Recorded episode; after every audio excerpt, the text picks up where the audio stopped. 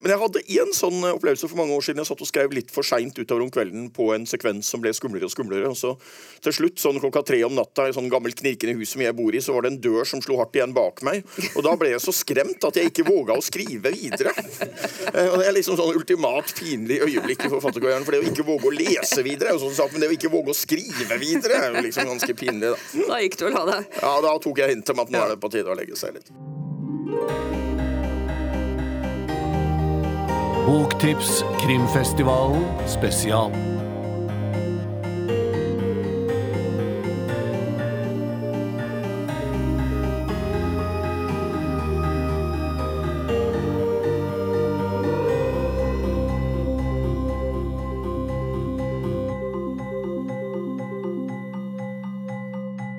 Hallo og velkommen. Jeg heter Knut Gørvel og er salgs- og markedsdirektør her i Cappelen Dam.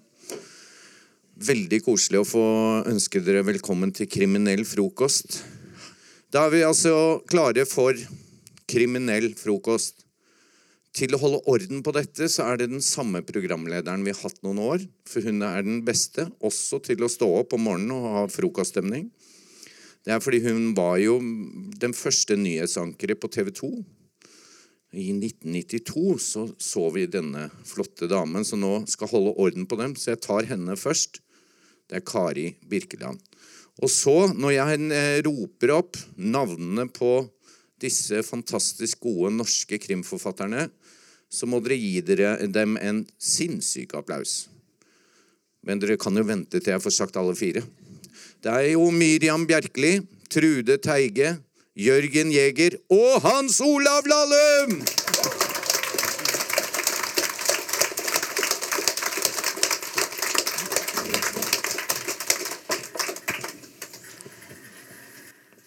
God morgen, kjære alle sammen. Hjertelig velkommen inn i vårt eh, mørke univers og til denne kriminelle frokosten. Der dere skal eh, få møte fire av våre fremste krimforfattere. Jeg skal ta en veldig sånn kort presentasjon av eh, panelet før vi begynner. Trude Teige, mangeårig journalist og forfatter, har skrevet en rekke bøker. Foruten krim, også historiske romaner. Hun har vært nominert til Bokhandlerprisen, til Riverton-prisen og er i år president i Riverton-klubben. Hennes eh, siste bok, 'Aldri tilgi', har fått eh, strålende kritikker. Der møter vi igjen eh, journalisten Kajsa Koren. Det handler om menn med makt, om metoo og om fortidens synder. Og så er det Miriam Bjerkeli. Hun er også journalist. Hun er forlagsredaktør og forfatter. Har skrevet en rekke ungdomsbøker før hun debuterte som eh, krimforfatter i 2017 til stor oppmerksomhet. Hun eh, kom med ny bok i forgårs, så det er helt, helt, helt ny, som heter 'Djevelens yngel', der vi igjen møter politimannen Håkon Håkonsen. Og vi befinner oss i Kodal, som er et lite sted eh, i nærheten av Sandefjord, eller ved Sandefjord, der eh, unge gutter forsvinner uten spor og i raskt eh, tempo. Og så er det Hans Olav. Han er historiker, han er biograf, han er sjakkspiller og høyt anerkjent forfatter av sakprosa og av krim. Har skrevet en rekke historiske kriminalromaner der vi møter politietterforskeren K2. Men hans eh, siste bok, 'Avklaringene', der er det et helt nytt persongalleri. Og Der møter vi idéhistoriestudenten Vegard, som eh, etter en dramatisk hendelse blir tvunget til å se både seg selv og sin far i et nytt lys. Og Det handler også om fortiden som innhenter oss. Og Jørgen Jæger debuterte i 2003 og har skrevet elleve kritikerroste romaner. Krimromaner om, eh, om Cecilie Hopen, politietterforsker, og lensmann Olevik i en sånn liten fiktiv eh, bygd som heter Fjellberg havn. I fjor kom Judas-skuddet, som handler om fremmedfrykt, om terrortrussel og om eh, rusmisbruk. Og nå sitter eh, Jørgen og skriver for harde livet på sin eh, bok som kommer til sommeren. Høsten. Eh, sommeren, høsten, ja. Sommer-høsten, som heter Hjerteløs. Gi de alle sammen en stor applaus.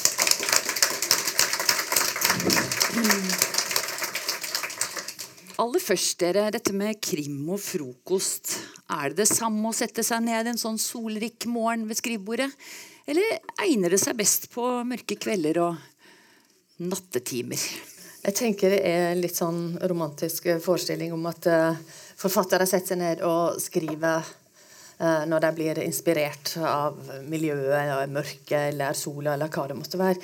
Men hvis du skal gi ut flere bøker, så må du faktisk skrive hele tida. Og det spiller ikke noen rolle hvilken vær det er, eller når på døgnet det er.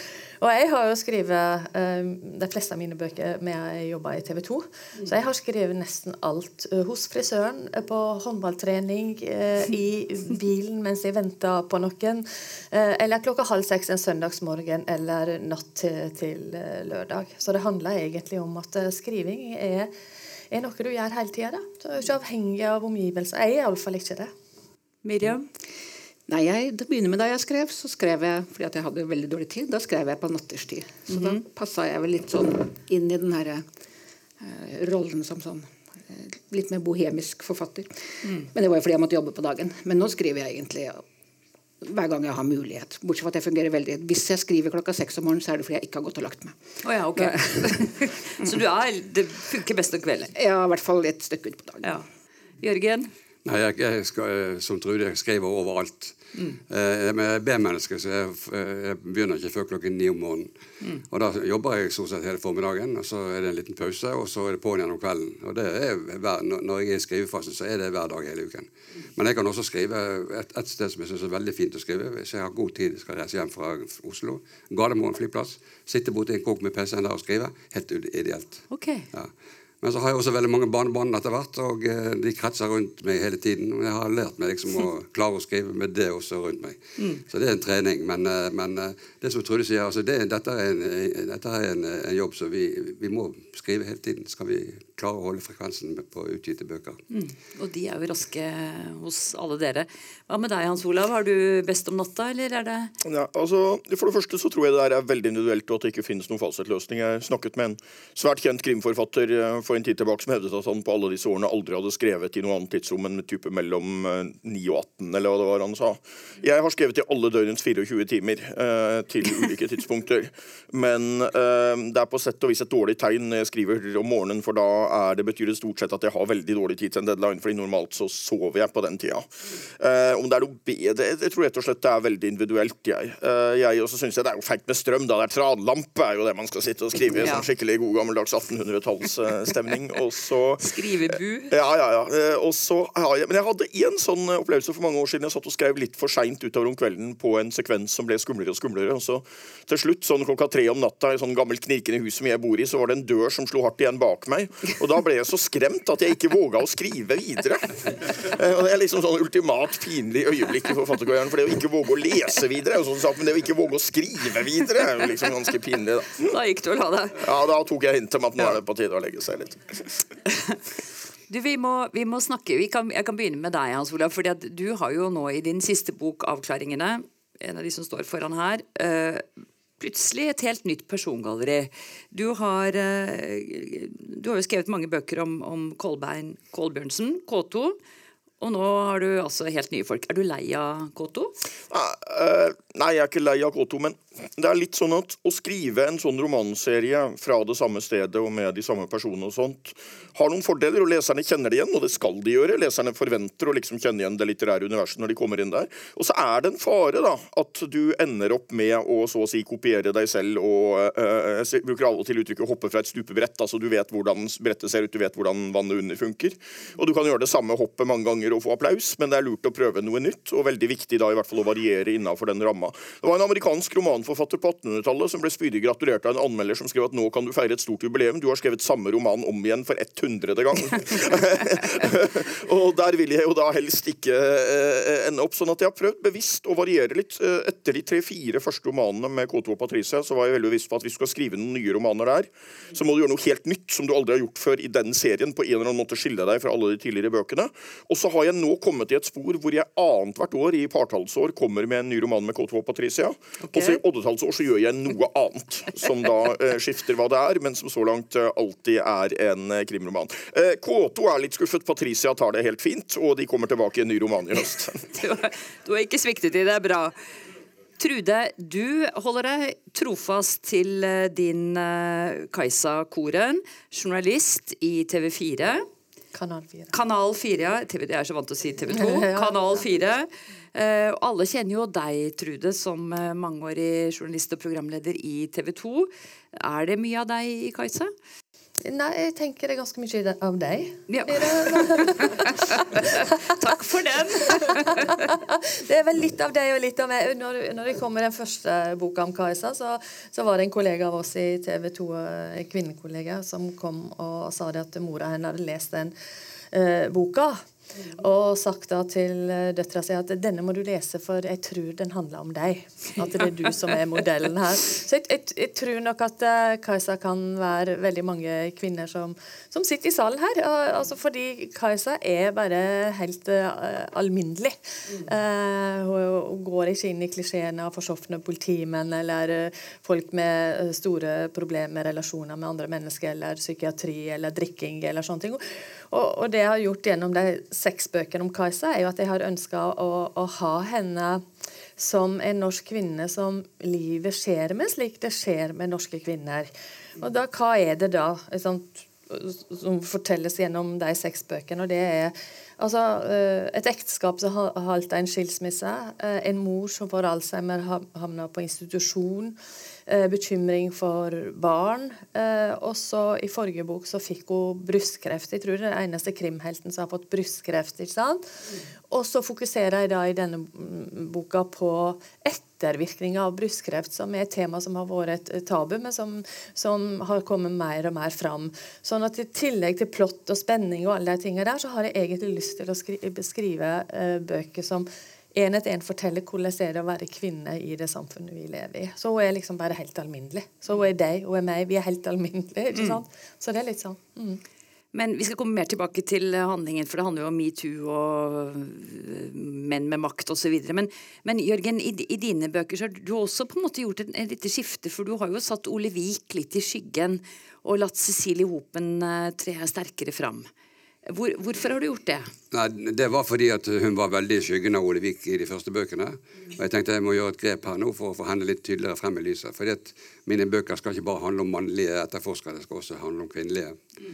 Eh, og, uh, men Ole Vik han er da en, en, i motsetning til veldig mange andre krimhelter, en ganske alminnelig, eh, litt, med litt personlige svakheter, på godt og vondt, men stort sett en solid og hyggelig fyr.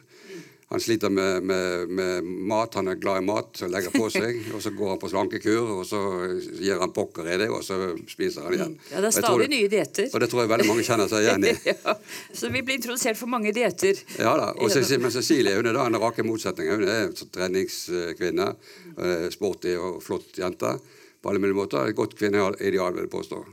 Og, hun, eh, men hun, og jeg følger begge de to. eh, For, det, altså, det vet jo alle vi som er krimforfattere. at Det, som, det å holde interessen for hovedpersonene oppe fra bok til bok, det er faktisk noe av det mest krevende. Eh, og mange har jo også da skiftet helt kulisser i, i, underveis i karrieren. Eh, nå er det Ole Vik forfulgt i tolvte bok, og Cecilie Hopen. Og de, fremdeles har jeg mange lag å skrelle de begge to. Ja. Og det syns jeg må, og folk liker de, og folk Ja, ja. følger med, og folk venter på neste bok hele tiden. ja, det er bra. Men bare kan skyte inn der, så er det jo sånn at, eh, at eh, jeg tror de krimseriene som lykkes, og, og man har suksess med, de er folk interessert i hovedkarakteren. Hvordan går det videre med, med, med karakteren? Så jeg tror litt av nøkkelen til suksess er ikke bare et godt plott, men at det faktisk er karakterer som folk enten kjenner seg igjen i eller er interessert i. Ja, Det, å- det å bygge opp levende mennesker Mm. som leserne kjenner seg igjen i, tror jeg er veldig viktig. Jeg husker i første boka mi så har Kajsa litt eh, problem i ekteskapet sitt. Og den første tilbakemeldingen jeg fikk nok en gang på, på krimbøker, det, det var en mann som kom mot meg på gata i, hjemme i Asker. Og, så hadde han lest den boka. Det var den første tilbakemeldingen. Så går han bare rett bort til meg. Og så tenkte jeg, nå det, seg sa jeg vil bare si en ting. Hvis hun blir skilt i neste bok, så liker jeg det. og da tenkte jeg ok, kanskje, kanskje jeg er inne på noe. Her er det Ja, en figur som folk tror fins. på en måte. Jeg, jeg, jeg, Og det er jeg satt også i en sånn tilsvarende forsamling som dette, så kom det fra en av damene som satt nede omtrent der, så sa hun du, Jørgen Jæger, sa hun, jeg er så forelska i Ole Vik. Ja, men Det er også en litt rar situasjon når du har liksom fått i gang en roman og etablert et karakterunivers, og så av og til så begynner karakterene å gå rundt og finne på ting du ikke hadde tenkt du skulle finne på.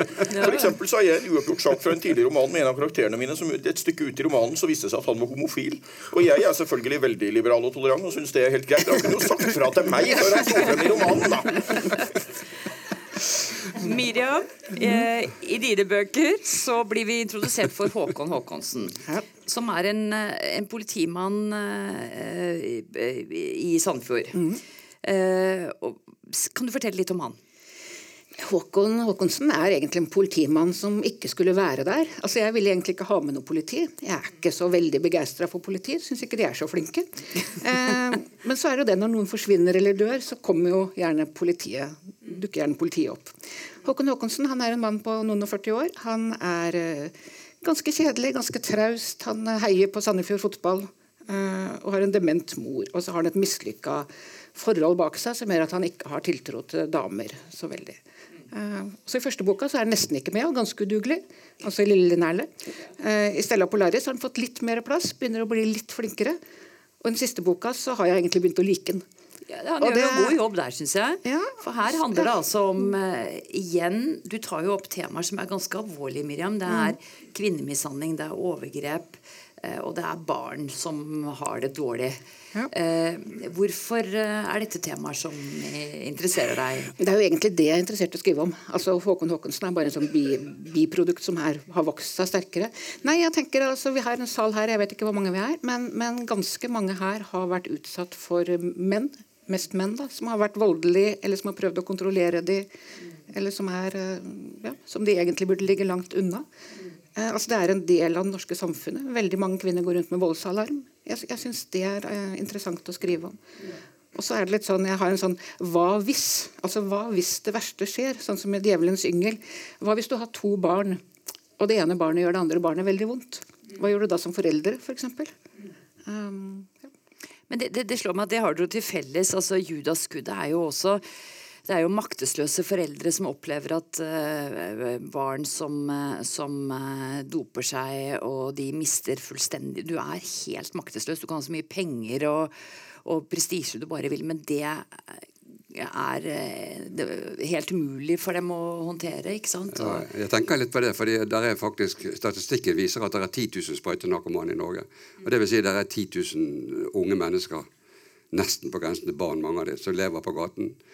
Og de alle sammen har en mor, en far, kanskje søsken. Altså det, det er veldig mange familier som er rammet av den tragedien. Og eh, så, så, så er det veldig mange fordommer ute og går. Det er selvpåført, og det er, og det er dårlige familier. Men det er ikke sånn. Dette rammer eh, bredt over hele samfunnet. Vanlige, ordentlige familier også. Eh, og eh, og eh, Judaskuddet er på en måte en gest meg, fra meg til familier som sliter med dette. Og vi hører jo aldri noe fra de. nei, det er ganske sånn ja. Det er ikke så mye skrevet fra det perspektivet. Nei, det, altså, det, det handler jo litt om at jeg tror de fleste som, som har eh, et barn som er narkoman, at de føler en viss skam at de helst ikke vil snakke om det til andre. Eller er helt utslitt. Det er utslitt, og, og det river hele familier i stykker. Pluss at eh, når, når- en, en far vet at jenten hans, som han har fulgt opp gjennom årene, sant, som er hans beste klump i verden, eh, som er kanskje blitt 16 år, eh, i dette øyeblikket ligger i en seng sammen med en ekkel gammel mann for å prostituere seg, for å få penger til Nop. Hva gjør det med en far? Sant? Den følelsen. Hva gjør det? Eh, jo, da låner du på huset for, å betale for narkotikaen. Og, og det skjer. Det er virkeligheten. Og, og familier rammes økonomisk. Det er, er forferdelig. Det, jo, det blir jo litt alvorlig dette her, men Trude, du har skrevet tidligere om psykiatri, eh, og du har skrevet om overgrep i bedehusmiljøet, og nå altså en bok om metoo. Eh, hvor tidlig i metoo-debatten visste du at dette skulle du skrive om? Nei, altså, Jeg kom med pasienten da, for litt over to år siden. Og på det tidspunktet, eh, altså i 2017, når jeg reiste rundt med den den høsten, så kom jo metoo-kampanjen til eh, Norge. Uh, og da tenkte jeg allerede Da, gikk jeg liksom og hadde noen ideer til neste bok, og sånn, men hadde ikke begynt på noe. Og så kom den. Og så tenkte jeg at, at det passa godt til mitt forfatterskap. For dette store alvoret tror jeg vi godt kan snakke mer om i krimmen. fordi det interessante med det som vi hører her, er jo at man bruker krimsjangeren, som av og til blir sett på som lett underholdning, til å faktisk eh, fortelle ganske store og alvorlige eh, historier. Og krimsjangeren syns jeg egner seg jo helt usedvanlig godt til å beskrive skyggesidene, eh, det som er skakt eller skeivt i f.eks. det norske samfunnet. Og Det er jo det som blir gjort her. ikke sant? Og Da kan du fort komme inn på forbrytelser, da, men du får også på en måte en troverdig forklaring på at vonde ting kan skje. ikke sant? Så jeg, så jeg begynner jo alltid med temaet. da. Ikke sant? Jeg har skrevet om eldreomsorg fordi jeg har jobba som journalist mye med eldreomsorg. Sant? Og Nå har vi nettopp sett en svær reportasje om Arnfinn Nesset, Nesse, som har gått på TV 2. Jeg kunne alt om den saken. jeg la oss absolutt alt VG hadde skrevet om Arnfinn Nesse når jeg skrev En hjelpende hånd. Ikke Sant? Og så prøver jeg å finne et nytt tema, og så tenker jeg ok, jeg kan mye om bedehusmiljøet. Jeg kjenner kvinner som er utsatt for overgrep. Jeg har dekka Øygard-saka, altså Vågå-ordføreren. Jeg har innsyn i masse sånne ting. Så jeg begynner ofte med det som jeg kan noe om. Og så kommer metoo, og så tenker jeg hmm, Kvinnelig journalist, jobber i mediebransjen. Spist de fleste lunsjene sine på Stortinget dette kan jeg jo faktisk ganske mye om. Disse mekanismene og sånn, det, og disse asymmetriske forholdene, da, menn med makt, unge kvinner osv., det har jeg jo uh, hatt, uh, hatt uh, sett på nært hold. Så da tenkte jeg allerede i 2017 at uh, dette, dette, Jo, men dette kommer til å komme en, en, kanskje en krim. Og den tenkte jeg at uh, den må en kvinne skrive, og det skal være meg. Så jeg må skynde meg. Og denne sjefen i Kanal 4, da, uh, Svein Hauge, han er jo en brautende, trakasserende, selvgod drittsekk ja. med makt. må ja. si. Har du møtt mange slike Mm. Har du? Dette er en reell, en reell person. Eller, men, men, du har også sagt, og det, det, tenker jeg, vi er jo hjemgamle vi tre, cirka, tror jeg, innbill meg, rundt der, eh, at kvinner, eller vår generasjon, vi har liksom ikke vi har ikke reagert nok på ting som har skjedd før metoo. Det må jo være utrolig deilig da, å bare kunne synge ut i en krimbok? Ja, altså det, det, det var jo eh, kanskje den boka som jeg, jeg syns på en måte bærer mest preg av at du er på en måte heldig som forfatter, altså har det kunnskapsgrunnlaget har sett dette på nært hold, og også sjøl opplevd det på, uh, på, kroppen. da. Og Det ene er uh, metoo trakassering, altså rene seksuelle overgrep, som har gått veldig, veldig veldig langt. Uh, og, og, men, men, de fleste av oss har ikke opplevd det. Men de fleste av oss har opplevd, uh, særlig i mediebransjen som har vært veldig mannsdominert, hvordan et veldig mannsdominert miljø altså Hvis du har en TV-kanal der nesten alle sjefer er menn, mm. så kan det det trenger ikke det, men det kan da utvikle seg en kultur som uh, gjør det helt umulig for kvinner å si fra. Og jeg vet at hvis jeg hadde sagt ifra om uh, all garderobepraten, som en i TV 2 kalte dette, eller all grisepraten som jeg har måttet tåle å høre opp gjennom tidene, så hadde jeg aldri gjort den karrieren i TV 2 som jeg gjorde. Og da holder du kjeft. Mm. Men det jeg også vet, er at uh, unge kvinner i dag som jobber i mediebransjen Min eldste datter har faktisk gått inn i, i, i TV-bransjen. Og jeg tenker, en, hun kommer aldri til å finne seg i det som er faren min. To, hun kommer aldri til å oppleve det. Mm. For nå må gutta passe seg, og mm. det er bra. Ja. Hans Olav, uh, du skriver ikke om uh, menn med makt så mye, men jeg, synes, jeg, jeg, har en følelse nå at du skriver Ja, du gjør det jo for så vidt, du skriver om Rauv Steen, men det skal vi komme tilbake til siden. Men du skriver mye om far-sønn-forhold I din siste bok, eh, 'Avklaringene', så er det også eh, en sønn som på en måte plutselig må se seg selv og sin far og alt han trodde om han i et nytt lys. Og Det, det, det var det jo også i, i 'Isbjørnen'. Siste om K2 handlet også om dette med far-sønn. Hvorfor, eh, hvorfor interesserer det deg? Hvis jeg ikke skriver om menn med makt, så er det veldig få i Norge som skriver om menn med makt. Altså. Men, men, men eh, jeg har jo vært innom temaet i romaner også. Men det er klart at den siste romanen så er det dette far-sønn-forholdet, og i en veldig spesiell form, hvor faren jo er død.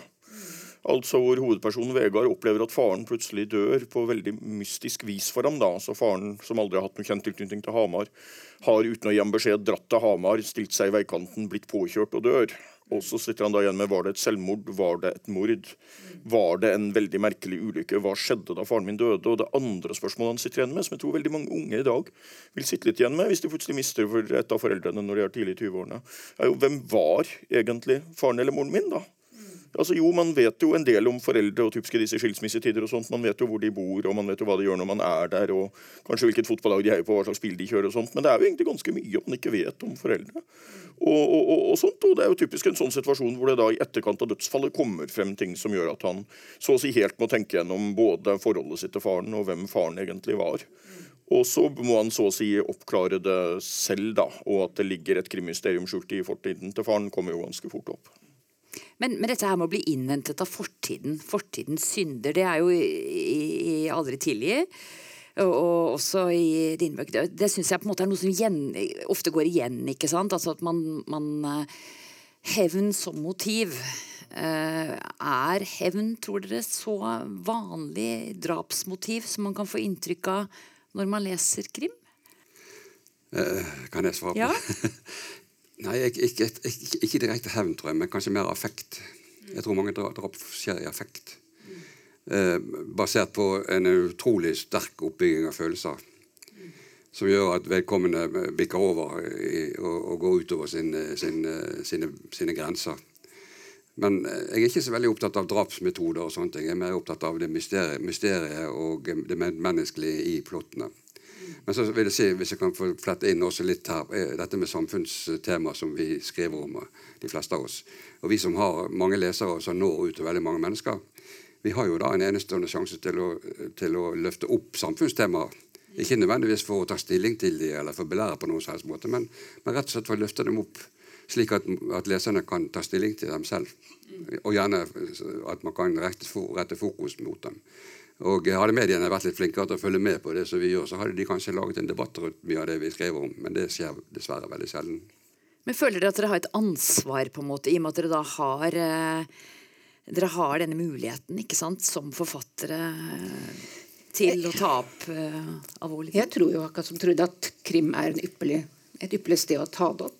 Og jeg tenker jo også at De fleste mord skjer jo egentlig altså Vi har jo lett for å tro at vi vil reagere riktig. At vi, vi skal helst være snille mennesker og oppføre oss ordentlig. Men i det øyeblikket man eh, føler seg veldig presset, så tror jeg egentlig hvem som helst av oss kan ende opp som ja nesten da i hvert fall, som mordere i Enten rett og slett i uflaks, altså i affekt, som du sier, eller fordi det føles som den absolutt eneste muligheten.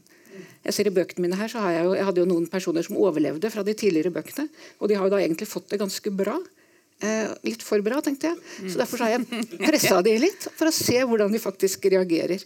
Og, og jeg tenker at eh, I det øyeblikket du skal beskytte alt du har, eh, og vil miste alt du har hvis du ikke handler, så tror jeg veldig mange av oss hvert fall kan fantasere veldig langt om å gjøre ting man ikke burde gjort. Det er noen få hendelser, eh, hvis du tar avgrenser til Norge denne omgang, så er det jo noen få hendelser fra virkelighetens krim som liksom på sett og vis overgår romanene. da.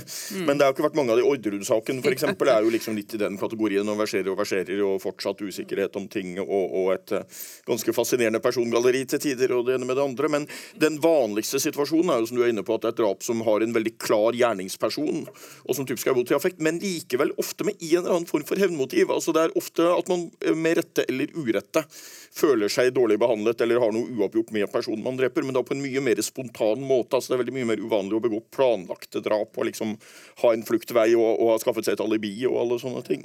Statistisk skjer jo de fleste drap i Norge i nære relasjoner og under påvirkning av rus. Det er sånn det er. Det, det, det, er litt fjernt fra uh, alle de drapene som skjer i norsk krimlitteratur, for å si det sånn. Uh, men uh, jeg sitter akkurat nå og jobber med ei bok sammen med en av Norges fremste krimteknikere. Som er en sånn true crime-bok som skal ut nå til høsten, og som handler om virkelige forbrytelser i Norge. Uh, og da tenker jeg som sånn at uh, vet du det vi skriver om uh, enkelte ganger, er bare småtterier i forhold til det som faktisk skjer. Og skjer, ja. ja. for når, mm. skriver, Vi skriver bl.a. om, om et, en, en drapssak. Ikke sant? og vi skriver om en kvinnemishandlingssak. Det er mye verre enn noe jeg har lest i en krimbok, og det har faktisk skjedd ikke langt herifra som vi sitter. I de beste kretser, ikke i, i noe miljø eller sånn, men det skjer veldig mye bak um, bak lukka dører, tenker jeg, og som vi ikke vet noe om. Så sum summarum så tror jeg kanskje at norsk krimlitteratur til og med har Hole ikke så langt unna virkeligheten av og til. Mm. Men faktisk også det er litt sånn, Vi blir av og til kritisert hvis vi liksom bryter med boka. Det var en eller annen som skrev til meg at uh, eh, K2 følger ikke politiinstruksen i denne og denne situasjonen. Nei, men det gjør ikke politiet der ute heller i veldig mange situasjoner. Da. Jeg var vitne i en kriminalsak for en del år siden, og bare på den ene timen jeg var inne i etterforskninga, klarte politiet å bryte så utrolig mange regler at hvis jeg hadde skrevet dette i en roman, så ville jeg uh, blitt slakta med at det var totalt urealistisk. Eh, det endte med at de spurte meg om jeg hadde notert opp navn og adresse til offeret. så du var litt eh, Det syns jeg kanskje de kunne vurdert. å Men jeg tror det er forståelse på her, og så kritiserer det enn politifolk. Politifolk vet at det er faktisk eh, bøyer reglene. Så i hvert fall min politikonsulent når jeg sier kunne dette skjedd? Kan vi strekke det så langt at vi får dette til å passe inn og sånn? Og så sa han ja, det trenger ikke å sitere meg på, men det har vel skjedd. Ja. sånn. Men har dere alle noen sånne spesialister dere driver og ringer til bare for å sjekke om dør man av stikk på denne måten, eller altså, skjønner du? Eh, eller etterforskningsmetoder? Jeg har en eh, minst én, kanskje to holdt jeg på å si, politietterforskere, og så har jeg et par leger. For jeg syns det er veldig pinlig å bli tatt på sånne medisinske feil. da. og så har jeg litt ulike, litt avhengig av hvilken bok det er og hvilket miljø vi er i.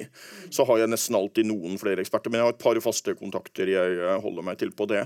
Men det er også ganske fascinerende. Jeg fikk jo for eksempel, Da jeg skrev den første K2-romanen, så fikk jeg jo to e-poster med noen få dagers mellomrom fra to som hadde jobbet i politiet, og da på samme sted som K2, altså i Oslo politikammer på begynnelsen av 70-tallet. Og Den ene mente da at jeg var helt på jordet, og at det var fullstendig urealistisk, og den andre mente at det var fullstendig realistisk skjeldring av hvordan ting hadde skjedd. Sånn at også på den samme gangen og på to ulike kontorer innenfor samme etat, ja, så kan så virkeligheten og så å si håndteringen av situasjonene også oppleves ganske forskjellig. Men hvis én av to vi sier at det kunne ha skjedd blant de som var der, så tenker jeg at da er jeg jo på sett og vis Da er du innafor. Men, men, jeg tenker også sånn, du skriver fra Sandefjord, Miriam. Eh, og du, Jørgen, holder deg jo til Fjellberg havn. Små Eh, byer eller bygder Nå har jo Fjellberg fått bystatus. Ja. ja. Men ok, vi er Men på den er like liten. vi, er på, vi er på småsteder. Ja. Og det liksom tenker jeg sånn Skjer det så mye drama? Er det reelt? Liksom? Er det Altså, Jeg har jo satt meg som mål og, og at det skal omkomme like mange mennesker av mine krimbøker som det har omkommet i 'Midtsommer'. Ja, akkurat. og der er det snart ikke flere folk igjen. Men Miriam, skjer det så mye drama på et lite sted? Nei, altså, Jeg har jo lagt mitt etter Kodal. Ja. Eh, Hva slags sted er det? Kodal er et bitte lite sted utenfor Sandefjord. Det bor noen, kanskje 2000-3000 mennesker der. Mm -hmm. De har en sparebutikk, og så har de en bensinstasjon. Okay. Og det tror jeg er det de har. Um, mm. Og jeg har angret på det mange ganger, for det er et veldig kjedelig sted å reise på research. Jeg mener London, Egypt, whatever. Ja. Det høres ut som eh, Hans Olav å bare skrive noe helt annet. ja. Nei, men, men, jeg ville ha et sted altså Larvik er jo opptatt, der er Jørn Lier Horst. Eh, Tønsberg er opptatt, der er bl.a. Melum. Så jeg ville legge meg imellom der. Og så ville jeg ha et sted hvor det var mye fjell og daler og litt sånn skummelt. Og da passer Kodal veldig godt. Hvis du skal på et nytt sted, så er Vestfold feil fylke å begynne i. Altså, ja, det er det. hele fylket er jo liksom belagt med krimforfattere. Og uh, det Lier er jo farligste stedet i Norge å bo, for der har du jo både Karin Fossum og Marit Reierskog Bredesen. Ja, nei, det er, eh, det er voldsomt med krimforfattere i Vestfold. Det... Ja, og Fjellberghavn ligger på Vestlandet. Det må vi vel kunne si? Ja, vi har vel konstatert det. Men jeg, jeg hadde, jeg, opprinnelig så tenkte jeg det skulle ligge mellom et sted mellom Lindesnes og Nordkapp. Akkurat. Ja, mm. og så kunne folk velge, men så var, var, det pressen, da. Så fant jeg ut at det var på Vestlandet et sted. Ja, jeg har liksom, har sånn, jeg vet ikke om det er helt feil, men jeg har sånn bilde i hodet at det er liksom Skudeneshavn eller rundt der. Skudeneshavn. Noen som har vært der, Ja, der er det jo så fint. Ja, der, der er det helt fantastisk nydelig. Det en sånn, der også det er flere sørlandsidyller som er like fine. Men eh, det er inspirert av de stedene der, eh, kan du si. Eh, Men i, i en bok så er Ole Vik i Bergen, det er Karma, den femte boken min. Der, og Da skal han reise til Fjellberghavn. og da, Når han da reiser fra Bergen til Fjellberghavn, så kjører han innom Norheimsund. Å ja. Og det skrev jeg bare på ert. Men det er ingen som reagerte på det. Men altså, hvor Fjellberghavn ligger, det er helt opp til hver enkelt fantasi. I, i den forrige boken min, 'Guden', der eh, ble Fjellberghavn utropt til eh, Altså, den går over til forbistatus, som du nevnte i sted. Eh, og samtidig så ble det da konstatert at nå har den detronisert Florø som Norges vestligste by. Og nå er Fjellberghavn no, no, Norges vestligste by. Og tenkte nå kan jeg nå så det et lite frø, så kan jeg lage litt debatt, men ikke, et- ikke et ord, altså. Ligger det nær Fjellbekk? Men hun kom etter meg. Ok, det var du som begynte. Ja, men, eh, men så eh, ja. Ja. ja. Det var vel egentlig svaret. Men, eh, men, men eh, Men du, men du jeg tenker Da jeg intervjuet deg sist år, Jørgen, her på Krimfestivalen, så var du utrolig opptatt av at du hadde fått funnet en veldig god tittel på den boka som nå kommer. Ja. Og den ville du på død og liv ikke si, for du var livredd for at noen skulle ta den tittelen. Ja. Så det var kjempehemmelig. Men nå kan du jo si det, vel? ja, den skal hete 'Hjerteløs'. Akkurat. Og nå har jeg gått eh, tungt ut med det, for da er det ingen andre som kan ta den. Og den kommer Den kommer i sommer, høst, en eller Ja. annen gang. Vi har ikke bestemt helt dato. Men den, jeg sitter på hotellet nå og skriver. Jeg skal rett bort der nå etterpå og jobbe. Så du vil egentlig bare bli ferdig her nå, da? Så du kan Eh, Nei, ikke akkurat sånn, men, men eh, jeg jobber hardt. Og, og, Alle hørte at han sa det. Så, men eh, i hvert fall så, så skal den eh, bli ferdig i løpet av en måneds tid, kanskje. Og så leverer jeg manus, og så jobber vi litt med det. Og så eh, kommer utgivelsen når det passer inn. Det forlaget bestemmer selvfølgelig det. da. Ja. Men det kommer, da, og det er en sterk historie, kan jeg love dere. Og hvordan føler du det, Miriam, som da bok for to dager siden? Ja, det kom jo da i forgårs. Er det like gøy når du er i tredje eller fjerde eller femte eller sjette boka og står med boken i hånden? Det er like skummelt. Skummelt, Ja, jeg synes egentlig akkurat det med å gi ut bok og den prosessen rundt det, synes jeg er veldig skummelt. Når jeg sender fra meg babyen min, og folk skal mene noe, ha, lese det og analysere det, den biten synes jeg er skummel. Så derfor så skriver jeg allerede på neste bok, sånn at jeg liksom kan oh, ja. holde fokuset et hakk videre. Ja. Du slipper å på en måte Ja. Ja. Og du Trude sitter jo nå, du har jo allerede sagt du sitter og skriver på True Crime, som jo er eh, også veldig spennende. Ja, det, det er, Jeg syns jo da at det er veldig eh, utfordrende å skrive i ulike sjangere. da. Så jeg har jo skrevet tre historiske romaner. Eh, og 'Mormor danset i regnet' er jo definitivt min største suksess. Um, så eh, jeg går jo med en svanger med en idé om å begynne på en historisk roman. Eller har vel begynt litt på det, og så har jeg jo litt på en krim, og så har jeg den andre. Så Samtidig? er litt sånn, ja, litt sånn. Du kan gjøre research til en bok mens du skriver på en annen, og sånn, så får du litt variasjon. da. Så jeg har egentlig liksom tre stykker som jeg sjonglerer litt. Det er jo fascinerende også med deg, Hans Olav. Du har jo fått strålende kritikker for din biografi om Raufsten. Eh, Men dette å skrive altså hvordan, hvordan gjør du det da? Kan du skrive på den og så samtidig skrive på en krim? Eller er det veldig atskilte Nå setter jeg faktisk personlig rekord, for nå har jeg fire ulike manus i funksjon her. Eh, to som skal ut i år, en som skal ut i 21 og en som skal ut i 22. Eh, og jeg skriver litt vekselvis på alle, men det er veldig uvanlig. Eh, det vanligste for meg er at jeg er litt sånn periodedranker med et manus. Sånn at f.eks. i fjor, da jeg kom både med Raul Steen-biografien og med krimroman, så skrev jeg bare på Raulf eh, fra januar til og med mars.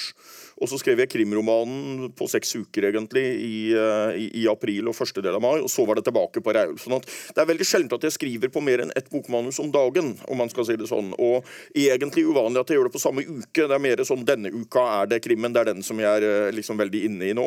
Og så opplever jeg kanskje litt sånn rart at det er vanskelig å skrive andre ting når du er inne i et romanmanus. Altså det dukker opp sånn ok, nå er det en politisk sak jeg burde skrive et lesebrev om, men den er veldig tung, altså når du liksom er inne i et romanmanus, og det er det universet du sitter og tenker på, og så skal du plutselig skrive et politisk lesebrev, eller gud forby en reiseregning.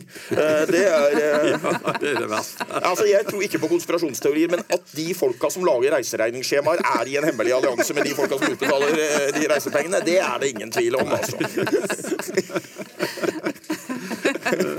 Er applaus. Helt enig, sier han her. Men, dere, ja, det, men det fascinerer meg, altså hvordan dere kan veksle mellom ulike, ulike sjangre. Men hva er vanskeligst, da? Hva tenker du? Tror du det går an å si Nei, det? jeg, jeg er jo en veldig motvillig krimforfatter, da, fordi eh, altså, jeg, altså, jeg, jeg elsker jo krim, har alltid lest uh, veldig, veldig mye bøker, og mye av det har vært krim. Eh, og når jeg da skrev den første krimboka, så var jo ikke det en krim. Og det skulle ikke være en krim, og jeg stritta imot. og så midt i den boka så skjønte jeg at jeg satt egentlig på et veldig godt plott. Så det var krimmen som tok meg. Og så, og så beundrer jeg veldig krimforfattere. Uh, altså den der twisten, det der å legge ut alle disse trådene, og så samler de det på slutten, og så bare Ja! Der passer det, ikke sant? Og det har for, stått for meg som så ekstremt vanskelig, da. Eh, men nå har jeg holdt på i, siden 2009 uh, og gjør det samme, uh, og syns det egentlig er blitt kjempegøy, da. Men samtidig så, så er det vanskelig på den måten, da. Men å skrive en historisk roman som, som jeg har gjort, særlig fra krigen og langt tilbake i tid, på 1800-tallet og sånn, er researchmessig mye mer utfordrende, syns jeg, da, eh, å, å klare å, å beskrive virkeligheten på 1800-tallet, eller Plutselig så befant vi en situasjon der jeg skulle skrive om krig, eh, altså 1940 1947 i Berlin. Jeg aner ikke hvordan Berlin så ut eh, rett etter krigen. ikke sant? Så den researchen jeg gjør, er, mye, mye tyngre eh, og føles ja, føles vanskeligere, da, men på en helt annen måte. Dere helt til slutt, for nå er Knut kommet opp her, så nå er det snart uh, over for denne gang. Kan du gå tilbake og skrive, Jørge? Men du er jo president i Riverton-klubben nå. Hvordan vil du oppsummere dette år, siste året, sånn krimmessig? Ja, Nå har ikke jeg rukket å lese alle 48 eh, på noen måte. Vi har fem nominerte til Riverton-prisen, som jeg da kjenner godt bøkene til. Strålende bøker, forskjellige bøker. Uh, les dem, sier jeg bare. Og jeg er utrolig stolt av å få lov til å, å lede Riverton-klubben. Og det som kanskje er det viktigste med Riverton-klubben og norske krimforfattere, er at det er så sabla hyggelige folk. Det er altså så kjekt å treffe dem. Og på disse medlemsmøtene vi, vi treffes, så Vi er jo konkurrenter, ikke sant? Men alle unner hverandre å lykkes. Og det er en sånn raushet i krimforfattermiljøet at eh, alle har hatt godt av å oppleve det.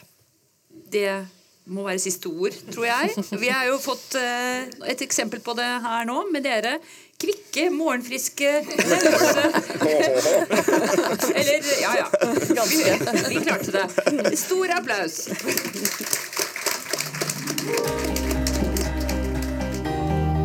Boktips, en podkast fra Cappelen Dam.